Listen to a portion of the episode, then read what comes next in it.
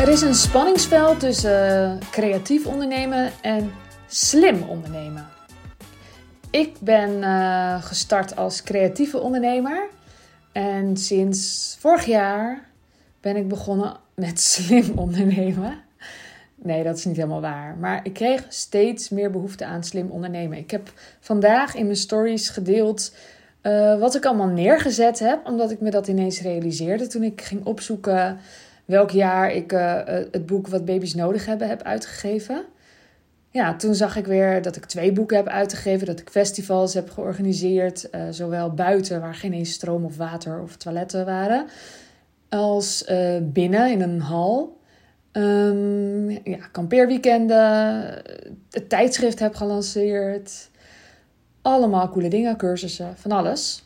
En ik, wilde ja, ik was daar even mee bezig, dus ik heb er allemaal stories over opgenomen. Er kijkt misschien geen hond naar, maar misschien wel een mens. En ik, uh, ja, ik was weer eventjes helemaal terug bij die fase. Die fase waarin ik startte. Um, nou, 2009 april, dus dat is nu gewoon uh, eh, 13 jaar geleden. Toen uh, begonnen we als online blog. En vijf jaar later heb ik mijn baan opgezegd en dacht ik, verdorie, het moet gewoon nu echt iets, echt iets serieus worden. Ik wil, ik wil dat en ik geloof erin. En toen uh, ja, ben ik begonnen met uh, crowdfunding voor boektijdschrift Opvoeders en Huttenbouwers. Met vijf jaar de beste blogs. Um, kort daarna een festival georganiseerd waar dan ineens 1500 mensen waren, te weinig eten, alles. Het jaar daarna 2000 mensen en toen hadden we het professioneel aangepakt. Met uh, externe hulp en een serieuze begroting. En hulp van ja, het werkt niet zoals jullie dat hebben gedaan. Dus het moet allemaal anders, subsidieaanvraag, shit. En toen gingen we, nou, misschien wel nat. Ik denk wel dat we nat gingen. Terwijl het jaar ervoor, toen we het zo simpel hielden, toen toen hadden we wel een beetje winst en zo. Ja, we hadden onze uren niet gerekend, maar goed, het was de eerste keer. En daar leerde ik ook echt dat je niet zomaar blind moet vertrouwen op mensen die meer ervaring hebben dan jij. En zeker niet zomaar op mannen met meer ervaring, want daar was ik toch wel een beetje toe geneigd. En dat ben ik toen echt wel niet meer gaan doen. Nou, dat is niet helemaal waar. Daarna heb ik het nog steeds wel een beetje gedaan, als het ging over begrotingen en zo. Maar ik heb echt wel geleerd uh, welke dingen je zelf wilt kunnen en in de hand wilt houden. Welke dingen je veel meer over wil leren en wilt snappen, grip op wil krijgen. En die je niet zomaar uit handen geeft, zoals een begroting maken en bijhouden. Want ja, een, een extern iemand die een beetje dat even voor je doet, die is gewoon niet zo betrokken bij je bedrijf als jij. En dit zijn echt wel dingen waarvan het fijn is om het zelf te vatten, te snappen. Dus toen ik begon was het echt mijn doel ten eerste om impact te maken. Dat is mijn aller, aller, allergrootste doel. Het begon dus ook helemaal niet als bedrijf. Maar vanaf het moment dat het een bedrijf werd, was mijn eerste doel: ik wil dat de mensen die hier aan bijdragen, en dat waren er toen al veel, dat die daar een vergoeding voor kunnen krijgen. En veel later pas voelde ik, ik wil er zelf ook een vergoeding voor krijgen. En ja, ik had daar in een luxe positie waar het niet per se moest dat ik er geld aan verdiende.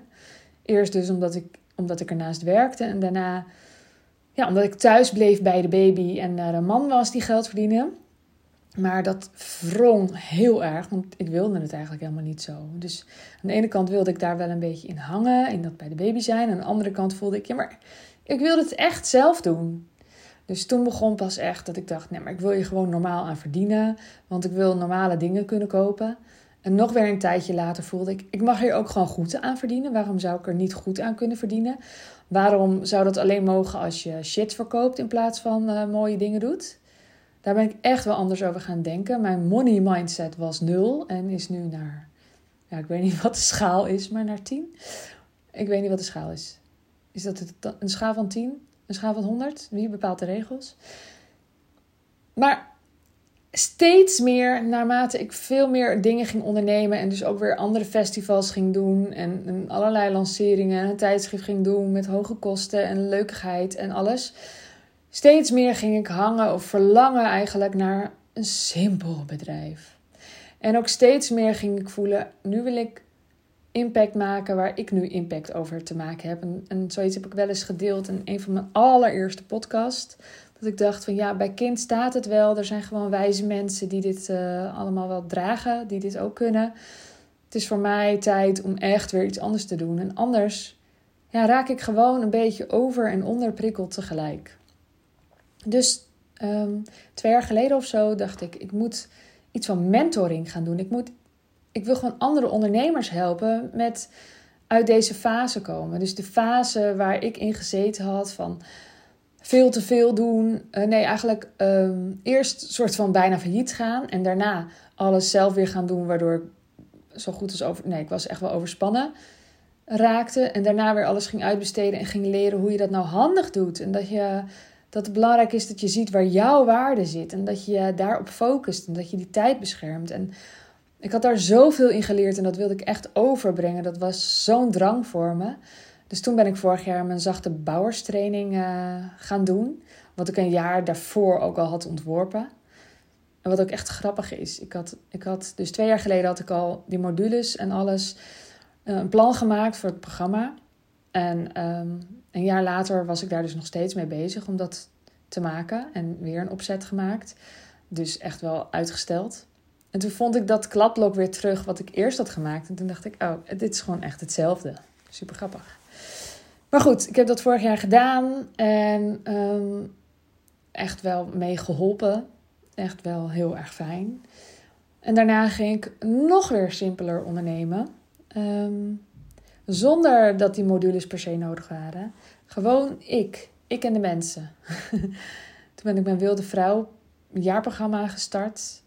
Om uh, ja, met name coaches, uh, mensen die met mensen werken, te helpen om gewoon een veel simpelere onderneming uh, te starten. Terwijl daarvoor werkte ik meer met schaalbare bedrijven.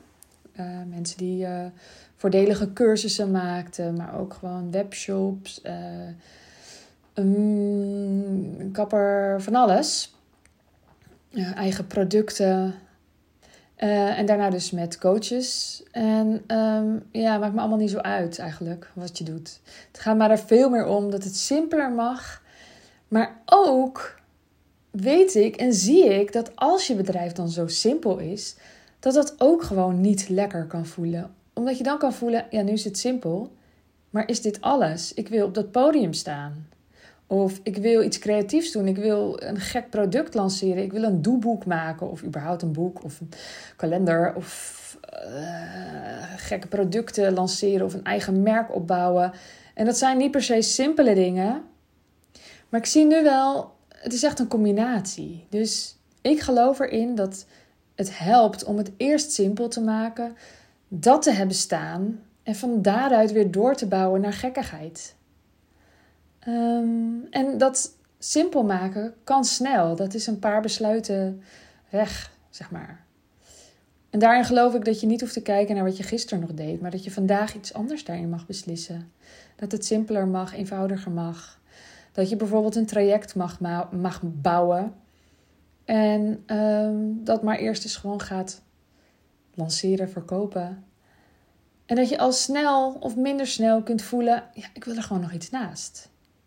En misschien wil je daar helemaal niet iets business-wise naast. Misschien wil je gewoon lekker met je kinderen of met je familie of wat dan ook, vrienden zijn. Maar ik zie wel heel veel om me heen dat we dat wel willen. We willen wel gekkigheid en dingen. Dus waar is die balans dan? Nou, bij mij, bij mij. Ik snap het en ik kan je er echt wel bij helpen. Ik kan je echt wel helpen om je bedrijf te versimpelen en tegelijkertijd ruimte in te bouwen voor die gekkigheid. Want je hebt meer te doen dan alleen maar bijvoorbeeld een traject leiden. Dat geloof ik echt. Dat, voor alles is een seizoen, voor alles is een fase. Maar ik geloof ook dat je van fase 1 simpel naar 2 gekkigheid best snel kan gaan. Ehm, als je ervoor kiest om um, gefocust voor fase 1 te gaan en daarna gefocust voor fase 2 te gaan. Het zit hem echt in die prioriteiten stellen en je daaraan houden. Dus een beslissing nemen en je acties daarop aanpassen, dat is, dat is uiteindelijk alles. En niet alles tegelijk gaan willen. Maar ik geloof dus niet dat je eerst drie jaar het een moet doen voordat je het andere kunt doen. Ik geloof dat het veel sneller kan en ik geloof dat we niet allemaal hetzelfde zijn. En ik geloof dat je die prikkels nodig hebt en dat je steeds weer mag kijken van ja, waar zit de balans tussen uitdaging en rust? En welke balans heb ik daar nodig? Ga ik van mijn gezin verlangen dat daar de uitdaging zit? Hmm, dat is misschien niet helemaal lekker. Als je die uitdaging in je werk hebt, of, of gewoon in vriendschappen, kan ook. Misschien wil je gewoon kaart feesten. Ook prima. Maar als je die uitdaging in je werk hebt, bijvoorbeeld omdat je klanten je uitdagen, uh, je echt nieuwe dingen aan het leren bent, ofwel omdat je er gekkigheid naast aan het doen bent, toffe retreats organiseren of andere evenementen of producten lanceren, dan, dan geloof ik echt dat je thuis veel meer kunt landen en die rust kunt vinden. En als je nu snel onrustig bent en geprikkeld en uh, opgejaagd bent als je bij je kinderen bent, dan zou het best kunnen dat je het niet te stressvol hebt in je werkomgeving, maar dat je echt onderprikkeld bent en dat je je mag afvragen: word ik wel uitgedaagd? En als je die uitdaging niet vindt in je klanten, wil ik dan andere klanten? Of wil ik er gewoon iets heel cools naast gaan doen, omdat het wel prima is met die klanten en ze zijn tevreden en het loopt lekker? Ik ben echt heel erg nieuwsgierig hoe dat bij jou zit. En ik weet ook als ik dat vraag in een podcast, dat er maar zelden mensen zijn die werkelijk een PB sturen als ik er naar vraag. Dus misschien is dit voor jou vandaag de dag dat je toch doet. Dat ik tegen jou zeg: stuur nou eens even een PB om mij te vertellen hoe jij hiernaar kijkt. En dat je het dan werkelijk doet. Dat je nu gewoon de podcast uitzet, naar Instagram gaat, op mijn profiel klikt en een DM stuurt met: Nou, Sandy, puntje, puntje, puntje. En me dat dus eventjes haarfijn gaat vertellen. Ja, leuk toch? Want ik heb gewoon daar zin in. Weet je, doe het voor mij. Nee, grapje. Doe het voor jou. Um, en ik zou het gewoon heel leuk vinden om je helemaal super vrijblijvend gewoon met een tipje of een dingetje of een zinnetje of een vraag daarin verder op, op weg te helpen. Zonder uh, dat daar uh, uh, touwtjes aangehaakt zijn. Dat een vertaling van no strings, strings, string, no strings attached? Oké, oké, doe jij dat nu? Ja? Oké, oké.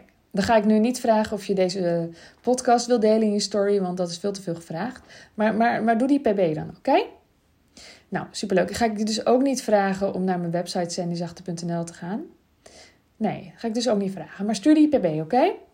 Ik hoop gewoon dat ik nu uh, helemaal verzuip in mijn pb-box en dat ik daar heel hard aan moet lachen. Lijkt me gewoon super grappig. Ik wens je een hele fijne ochtend, middag, avond, nacht en tot de volgende keer. Doei doei!